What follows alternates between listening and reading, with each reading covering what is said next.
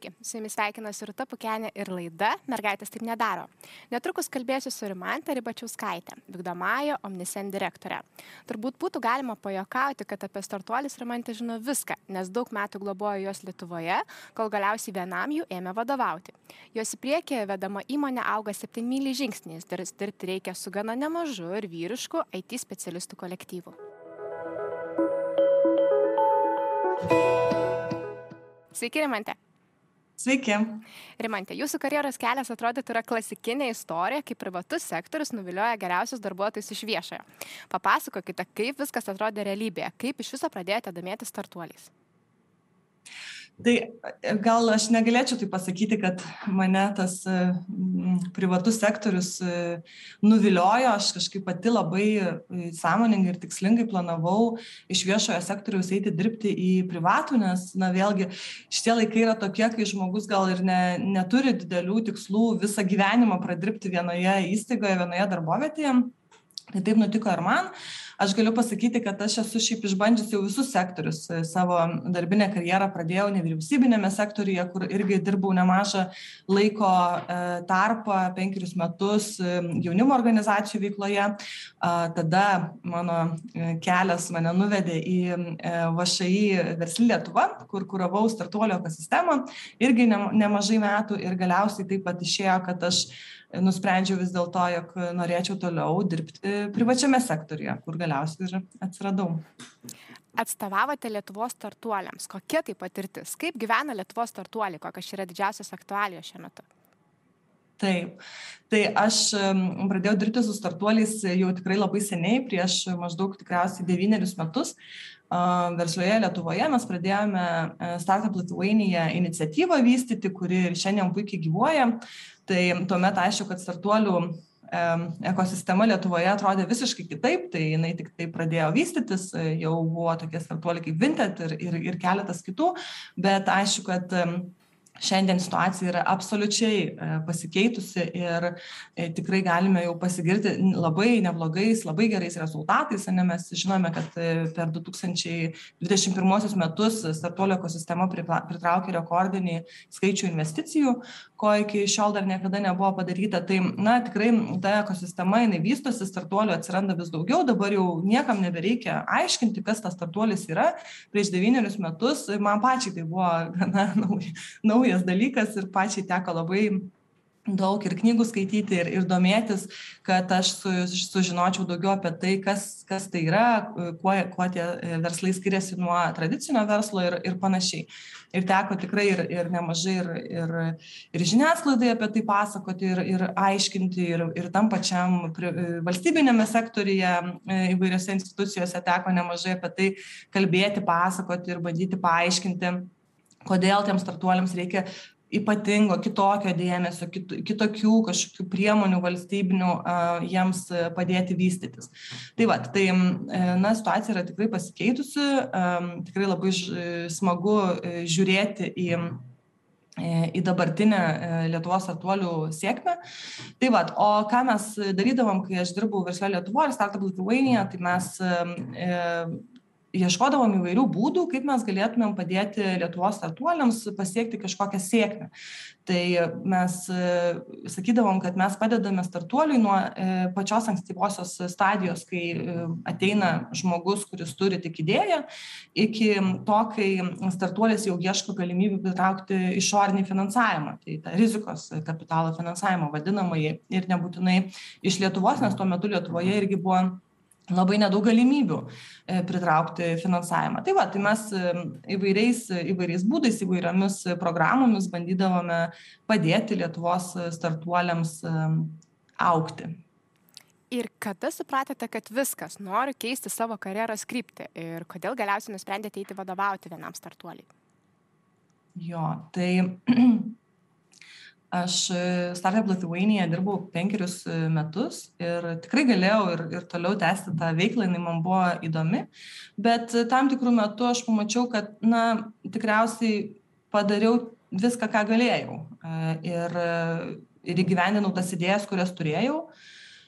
Ir nusprendžiau, kad reikia gal naujų žmonių, naujų idėjų um, toje organizacijoje um, ir tai jiems padėtų sėkmingiau tęsti toliau savo gyvavimą. Tai va, ir, ir tada pradėjau, pradėjau žiūrėti, kurie, kas čia pas mus iš startuolių man patinka, kur man patinka komanda, founderiai, ne, įkūrėjai startuolių ir, ir tiesą sakant, tą, tą pasiūlymą tiesiog gavau pati labai ne, neieškodama aktyviai darbo, tiesiog darydamas rinkoje ir žiūrėdama, kas vyksta. Laidoje aš dažnai kalbu apie moteris, kurios nori persikvalifikuoti, bando atrasti savo tech ir susiduriu su daug vidinių blokų. Baigiau mokslus visai kitoje srityje, man bus per sunku, ten toks vyriškas kolektyvas. Sakote, kad gavote pasiūlymą, bet ar buvo tokių blokų jūsų galvoje? Kaip atradote tam drąsos, kas įkvėpė tą pasiūlymą priimti ir patikėti savo jėgomis? Tai visų pirma, gal aš galiu pasakyti tai, kad aš visą savo darbinę karjerą visada darydavau tai, ko nemokėdavau ar nežinodavau, kaip daryti. Nuo pat to, kai aš apskritai pradėjau dirbti um, pilną, pilną darbo dieną, dar studijų metais tai vyko, tai man kažkaip netrodė nenatūralu ar, ar ne, nenormalu eiti dirbti ne pagal e, specialybę. Niekada ir neplanavau tiesa labai dirbti pagal savo išsilavinimą. Aš esu baigus politikos mokslus Vilniaus universitete, tai um, man labai patiko studijos, man labai įdomu buvo mokytis, bet uh, tą aš jau supratau labai seniai, kad aš tikriausiai, um, na, tik plačiaja prasme naudosiu uh, ten įgytas uh, žinias. Tai va, tai man atrodo, kad tų blokų, aišku, čia yra gal tokie ir psichologiniai šiek tiek dalykai, jeigu žmonėms yra blokų um, galvoje ir jie mano, kad jie negalėtų. Aš tai manau, kad reikia nebijoti eiti į nepažįstamą erdvę ir eiti iš tos populiariai vadinamosios komforto zonos ir viskas gaunasi, nes, na, startuoliuose Lietuvoje taip jau yra, kad tik maža dalis žmonių žino, ką jie daro. Visi kiti, jie inovuoja, jie bando, jie klysta, e, jie mokosi iš naujo, iš savo klaidų mokosi. Ir sakyčiau, kad būtent startuolio ekosistema ir yra ta labai gera terpė, kur tu gali ateiti tikrai be kažkokios ankstesnės patirties, be kažkokio tam e, skirto išsilavinimo kryptingo ir bandyti, daryti, mokytis iš klaidų, nes E, visi Lietuvos startuolių įkūrėjai, vadinamieji founderiai, jie juk e, net, neturi didelio vadinamojo track recordo, ne, didel, didelio, um, e, e, didelės patirties ne, su, um, su startuolių kūrimu. Tai visi mokosi ir, ir tai yra puikia galimybė. Papasakokite mums, kaip atrodo jūsų darbas šiandien, kokios yra pagrindinės jūsų atsakomybės taip tai aš šiuo metu esu e, vienos įmonės vykdomoji direktorė ir na esu atsakinga už tai, kad mūsų organizacija suktųsi, kad jinai, kad jinai veiktų. Tai mano atsakomybės rytis yra finansai, teis, teisiniai dalykai, a, žmogiškiai ištekliai, ben, bendroji, ben, ben, bendrasis toks administravimas e, organizacijos, e, mūsų įmonės e, ofisų valdymas, plėtros planavimas ir panašus dalykai. Tai sakyčiau, taip gana, gana platu ir, ir tikrai niekada ne, nesakau kolegoms, kad e, ne į mane turėtumėt kreiptis su šituo klausimu, visada bandau visiems padėti. Tai toks labai, sakyčiau, platus, platus profilis ir daug skirtingų užduočių. O tai, kad esate moteris ir dirbate šioje srityje, dirbate vadovaujamą darbą, jums e, padeda, pakenkia, ar kada susidūrėt su iššūkiais ar stereotipais? Aš iš tikrųjų pati niekada nesureikšminau um, lyčių skirtumų ar, ar to, kad aš esu moteris, man kažkaip niekada net netėjo į galvą, kad tai yra kažkoks išskirtinumas, aš tikriausiai vėlgi visą gyvenimą dirbau daugiau labai tokiam, daugiau gal vyriškam kolektyvė, vyrų apsupta ir man kažkaip niekada tai ne, nekėlė jokių problemų aš e, vertinu visada asmenybę, o ne tai, ar tai yra vyras ar moteris. Ir lygiai taip pat tikiuosi, kad ir į mane yra žiūrima. Ir mm, pati asmeniškai galiu pasakyti, kad aš nesu susidūrus su kažkokiais labai stipriais stereotipais um, ir dėl to patyrus kažkokių sunkumų ar, ar ribojimų. Tai nežinau, man sunku yra pasakyti, um, ar tai egzistuoja ar ne. Aišku, technologijų sektoriuje labai trūksta moterų, merginų, tai yra daugybė iniciatyvų, kurios bando atvesti merginas į technologijų sektorių. Aš, man sunku yra pasakyti, kodėl, kodėl tokia situacija yra, bet na, keletą hipotezių aš turiu. Tai va, Kokios bet, jos pasidalinkit? Aha. Na, tai aš manau, kad viskas prasideda nuo labai ankstyvo amžiaus. Ir, ir aišku, kad dar mūsų karta, ar dar šiek tiek ir jaunesni už mane žmonės, jie augo labiau gal tradicinėje aplinkoje su tokiu tradiciniu požiūriu į, į šeimos asmenų e, vaidmenis, į darbų pasidalėjimą ir panašiai. Manau, kad dabar e, mūsų kartos e, žmonės auginantis vaikus jau jie visai kitaip žiūri į į šitą visą, e, į tuos stereotipus ir jie visai kitaip augina jaunąją kartą, tačiau, na, aš dar susidūriau su tuo, kad mokykloje berniukai ir mergaitės turėdavo skirtingas darbų pamokas ir mergaitės kažkodėl e, gamindavo valgyti ir siūdavo prijuostas, o berniukai um, užsiminėdavo, na, tokiom gan, sakyčiau, tradiciniam technologijom, ne, kaip ten medžio ar, ar metalo apdirbimas. Ir, ir tai skatino e, jų kažkokį tokį ir kūrybiškumą, ne, ir, ir, ir, ir tuo pačiu skatino ir tą skirtingą požiūrį į skirtingas lytis. Tai aš tikiuosi, aš tiesą sakant nežinau, bet aš tikiuosi, kad jau šiuo metu to nėra likę mokyklose ir, ir visi vaikai ne, neskirstomi į berniukus ir mergaitės ir visi mokosi tą patį. Tai vėlgi, aš manau, kad tas ateina iš labai uh, iš labai toli, iš, iš, iš vaikystės, iš mokyklos ir galiausiai išeina taip, kad mergaitės kažkodėl nepasirenka studijuoti technologijų, nepasirenka studijuoti e, labiau tiksliųjų mokslų susijusių su matematika ir e, kompiuteriniam įvairiom technologijom. Na, vaikinai kaž, kažkodėl nueina į tą pusę. Tai vėlgi gal kažkiek yra ir ir stereotipinio tokio požiūrio gal merginos ir pagalvoja, ar čia man tikrai reikia, ar aš čia tikrai noriu, ar čia tikrai man, gal man kažkur eiti į socialinius mokslus, vėlgi e, taip standartiškai jau yra, nes statistiškai, kad merginos labiau socialinius mokslus renkasi. Tai va, tai matyt, tai yra kažkokie galvoje egzistuojantis stereotipiniai ribojimai, e, kurie ateina iš, iš na, iš visuomenės, iš, iš žiniasklaidos, aš nežinau, iš, iš, iš ko dar, iš mokymo institucijų. Bet aš manau, kad mes judame gerą e, linkme, gerą kryptimį ir, ir dar už 10-15 metų mes turėsim kitą situaciją. O gal turime pavyzdžių, į kuriuos galėtumėm atsigręžti? Žinau, kad e, jūs e, dažnai vykstate į komandiruotės, turite tarptautinės patirties, dalyvaujate įvairiose konferencijose, renginiuose. Ar ši problema moterų tech aktuali ir kitose šalise, ypač jeigu mes kalbėsime apie vadovaujamas pareigos užimančias moteris? Tai žinot, čia yra, manau, labai sena ir gili ir universali problema moterų atstovavimo, ne moterų reprezentavimo, moterų e, buvimo vadovaujamosi pozicijose. Tai mes Lietuvoje niekuo nesam išskirtiniai, taip yra visame pasaulyje e, kiek man yra tekę ar tenka bendrauti su kitomis technologinėmis įmonėmis iš kitų šalių, nesvarbu iš kur tai būtų, ar iš Europos, ar iš, ar iš Junktinių Amerikos valstijų, tai Aišku, kad dažniausiai vadovaujamas pozicijas užima vyrai, um, kas yra aišku liūdna, bet vėlgi sakau, jie irgi dėl to yra nekalti, taip tiesiog vat, susiklosto aplinkybės.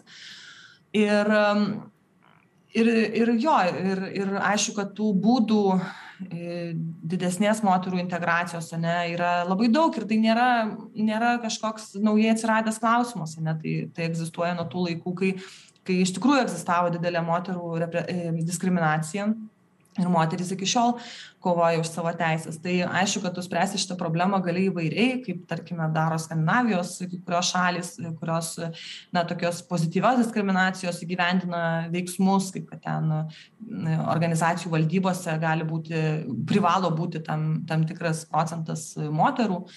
Pas mus Lietuvoje to nėra e, ir daugelį kitų šalių to nėra.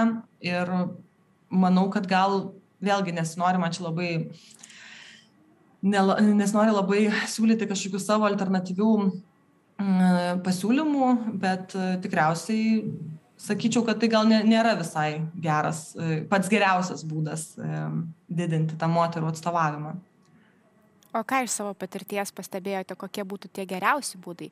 Jūs užsiminėt e, apie situaciją kad na dar mokykloje mes tarsi būdavo kad pradedame formuoti mergaites kreipti į tuos minkštuosius įgūdžius vaikinų vystyti galbūt inžinerinį mąstymą. Man pačiai praėjusią savaitę teko viešėti anykščių mokykloje tai jie sakė kad tikrai taip nebėra. Dabar jau skeliama mhm. klasė per pusę ir visi dalinasi atsakomybės bet jeigu nežinau yra žmogus kuris užaugo dar tuo metu kai buvo dalinamos tos atsakomybės galbūt yra merginos kurios šiuo metu galvoja sukti į tech sritį. Tai kokie būtų jūsų patarimai, na, ką daryti, kad toj tech srity padaugėtų moterų ir pačioms moteriams, ir mums kaip visuomenė, ar kaip darbdaviams dirbantiems šioje srityje? Mhm. Tai aš manau, kad visų pirma reikia suprasti tai, kad technologijų sektorija ne visi yra programuotojai. Yra labai daug įvairių kitų mm, pozicijų, ne, įvairių kitų profesijų, kurių reikia technologijų sektoriuje. Tai lygiai taip pat jame reikia ir minkštųjų įgūdžių, ir, ir žmonių, kurie išmano žmogiškuosius išteklius, organizacinę psichologiją, kurie dirba organizacijos administracijoje, už, užsijima klientų aptarnavimu ar pardavimais. Tai tikrai labai labai daug yra įvairių, įvairių tų krypčių ir sričių, kur galima dirbti technologijų sektoriuje ir tikrai nebūtinai kiekviena moteris turi būti programuotoja. E, ir aišku, programuotojų trūksta, tai jeigu kas nors nori, tai būtinai tapkite Bet, bet šiaip, vat, sakyčiau tai, kad visų pirma reikia žinoti ir, ir suvokti tai, kad tai yra daug daugiau negu tik tai programavimas. Antra, domėtis, tai yra žiūrėti, apie ką yra tos įmonės, kokie yra jų darbo skelbimai, kokių ten įgūdžių yra ieškoma.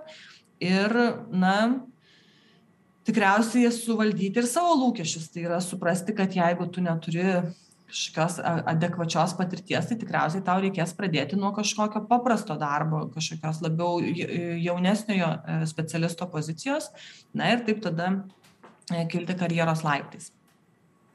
O į ką jūs ieškodama naujų komandos narių kreipiate didžiausią dėmesį? Ar kandidatas turi pasižymėti atitinkomis savybėmis, įgūdžiais, kas šiandien yra svarbiausia? Taip. Tai vis, kai kurie žmonės stebisi labai, kad um, aš, kai aš sakau, kad mes, kai ieškom darbuotojų, mes niekada netikrinam jų išsilavinimo. Ir mums um, diplomas, universiteto diplomas nėra, um, nėra kažkoks kriterijus ir nei viename darbo skelbime prie reikalavimų sąrašo nėra e, įrašyta, kad reikia būti baigus aukštąjį išsilavinimą, reikia turėti aukštą išsilavinimą. E, pas mus puikiausiai dirba darbuotojai, kurie yra arba nebaigę universiteto, sustabdę studijas, arba niekada ir nestudijavę, e, iš karto ten po mokyklos pradėję dirbti. Tai vėlgi tas formalus išsilavinimas yra svarbus, taip, jisai, e, bet jisai svarbus yra žmogui, o ne darbovietėjai. E, mums yra svarbu, kokius įgūdžius tas žmogus atsineša Ir įgūdžiai šiais laikais gali būti įgyti ne tik universitete, ne tik kažkokioje formaliojo švietimo institucijoje, bet labai daug yra žmonių, kurie savo kažkokius hobius paverčia darbais, e, kurie, tarkime, e, tie patys programuotojai, jie pradeda programuoti nuo ten 14-15 metų ir, ir tada į universitetą nueina jau tik tai tokio gal for, formalių žinių įgyjimui nors jau daugiau moka, būna išmokę patys. Arba ten, pavyzdžiui, kažkokie dizaineriai, kurie, e, kurie irgi mokosi patys ir jie niekada nenueina į formaliojo švietimo įstaigas, nes šiuo metu reikia labai neblogai išmanyti tam tikras technologijas, tam, tikras, tam tikrą programinę įrangą, mokėti naudotis įvairiomis programomis ir, na, ir tada tas yra kartais pakankama, kad tu e, gautum vieną ar kitą darbą. E, ko mes ieškome? Tai visų pirma, mes ieškome žmonių, kurie, m, kuriems patinka mūsų kultūra, kuriems patinka mūsų vertybės, kurie pritarė mūsų požiūrį į taip, kaip mes norime vystyti savo organizaciją, kaip mes norime dirbti kasdien su kolegomis. Tai tai yra esminis e, dalykas, kurio mes ieškom, tai yra anglų kalba vadinamasis tas cultural fit. Tai va, tai mes visų pirma žiūrim tai, Ir tikrai yra atvejų, kai mes e, stipraus, labai techniškai, pavyzdžiui, stipraus kandidato, kuris puikiai išmano savo darbą, mes jo nepriimam dėl to, kad e, mes e, nematome, kad jisai tinka mums į mūsų komandą kultūriškai, vertybiškai. Tai va, tai, tai pagrindė dažniausiai žiūrime į tai. Na ir aišku, mes šiaip norime, kad mūsų organizacijoje dirbtų geriausi specialistai tai kompetencija profesiniai įgūdžiai yra irgi svarbu bet antroj vietoj po atitikimo mūsų vertybėms ir ir pritarimo mūsų kultūrai IT rinka Lietuvoje yra išsunkta. Vidutiniškai programuotojas Lietuvoje gauna 4-5 darbo pasiūlymus LinkedIn platformoje per dieną ir kažkaip reikia stengtis, kad jau dirbantis darbuotojai liktų įmonėje. Tai jūsų citata. Tai papasakokit mums, ką darot, kad jau dirbantis darbuotojai liktų įmonėje, nes tiems, kurie nedirba tech srityje, visuomet labai įdomu pasmalsauti, kokias sąlygas turi šios srities darbuotojai. Hmm. Taip, aš manau, kad um, tos didesnės technologinės įmonės Lietuvoje jau visos, e, visos šiandien dienai siūlo labai geras sąlygas. Ir konkuruoti kažkokiais, na, perksais, kažkokiais ten užkandžiais ofise ar, ar ten e, kitais, ar ten žaidimų konsolių, ar, ar kitų žaidimų buvimų ofise jau nelabai yra įmanoma dėl to, kad labai daug įmonių siūlo labai didelį spektrą įvairių pramogų, įvairių, įvairių tokių patogumų ne, įmonės ofisuose. Tai mes kažkiek to turim bet tikrai tai labai stipriai nesifokusuojam nes e, sakome kad mes esame suaugusių žmonių organizacija ir ieškome tokių specialistų kuriems būtų įdomu pats darbas o ne o ne įdomu ateiti į ofisą skaniai pavalgyti ar ar pažaisti Xbox'u. Tai va, tai be abejo, kad na, e, užkandžių siūlymas ofise nemokama ten kava ir ir panašūs dalykai tai jau yra tapę technologijų sektoriaus standartu ir to jau visi darbuotojai tiesiog na tikisi natūraliai e, kad kiekviena darbovietė tai turės. E, dėl to be abejo kad kad mes mes mūsų įmonėje ieškom visai kitų visai kitų būdų kaip išlaikyti mūsų kolegas su mumis tai aišku kad na darbuotojams yra tikrai labai svarbu darbo užmokestis ir mes tikrai siekiame kad jisai būtų vienas iš konkurencingiausių darbo rinkoje tarp visų mūsų konkurentų Mm, tai čia pirmas dalykas. Antras dalykas tai yra įvairūs tokie na, gyvenimo palengvinimai ir patogumai. Tai e, pradedant nuo nemokamo parkavimo prie ofiso, baigiant e, namų tvarkymo paslaugą, kurią mes suteikiame visiems mūsų kolegoms, kurie yra išdirbę trejus metus ar ilgiau.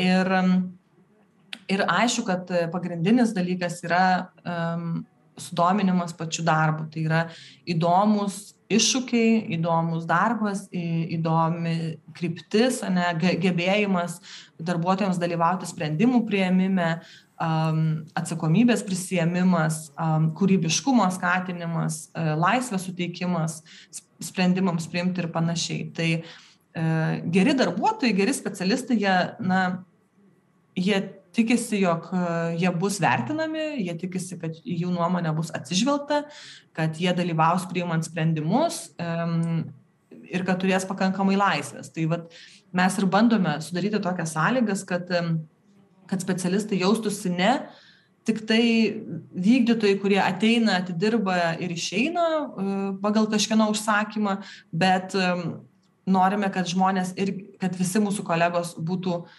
kūrėjai ir, ir dalyvautų procesuose. Rimante, paskutinis mano klausimas. Jeigu moteris dabar žiūrėdamos mūsų laidą ar vyrai susidomėjo e, te darbų tekst rytyje, kokios rytis yra pačios perspektyviausios, kur dabar verta pradėti kišti savo nosį be programavimo, apie jį ir jo mm, svarbą žinome dabar visi. Aha. Um, daug tų sričių iš tikrųjų yra ir mm, nesinorėtų kažkaip tokių patarimų dalinti, paskui dar žmonės sugalvos paklausyti ir, ir, ir, ne, ir gal nusivils. Tai aš gal taip plačiai sakyčiau, kad reikia tiesiog žiūrėti, kas vyksta, e, kas vyksta šiuo metu Lietuvos e, technologijų industrijoje. Mes žinome apie lazerius, mes žinome apie, apie finansinės technologijas. Um, tai matyt galima žiūrėti į tą, į tą pusę, bet žiū, galvojant apie tai, kad, pavyzdžiui, jeigu E, kažkoks žmogus neturi e, techninio išsilavinimo, e, nėra baigęs programavimo, tai aš visuomet sakau, kad galima vienas iš tokių gal lengvesnių sričių, į kurias lengviau patekti, galima lengviau įeiti ir pradėti tą savo kelią technologijų sektorijoje, tai yra dvi. Tai viena yra e, kokybės užtikrinimas, tai um, testa, testuotojai, taip, tai programuotojai parašo programinį kodą, reikia, kad kažkas išbandytų, ar jisai veikia, ar yra kažkokių klaidų palikta, viską suprotokoluoti, viską užrašyti, viską stebėti. Tai tam tikrai nereikia kažkokio labai specialaus ir gilaus technologijų išmanimo ir technologinio išsilavinimo. Ir nemažai mūsų programavimo mokyklų e, veikiančių Lietuvoje tokius kursus turi, tai galima pradėti, pabaigti kursus ir tada ir tada ieškoti kažkokios e, junior pozicijos šitoje srityje. Kitas sritis yra mm, klientų aptarnavimas. Tai um, vėlgi nereikia didelio labai technologijų uh, išmanimo, didelio technologinio pasirengimo, programavimo žinių. E, tiesiog reikės išmanyti produktą, kurį parduoda jūsų įmonė ir mokėti bendrauti gražiai, pagarbiai su klientais tai vėlgi gana nesunku nesunku įeiti į tą e, sektorių, būtent e, į klientų aptarnavimo pozicijas. Tai Rimantė, ačiū labai, kad pasidalinote savo patirtimi ir patarimais, na netgi keliu, nuo ko galima pradėti pažindinti su tekstritimi. Ačiū Jums.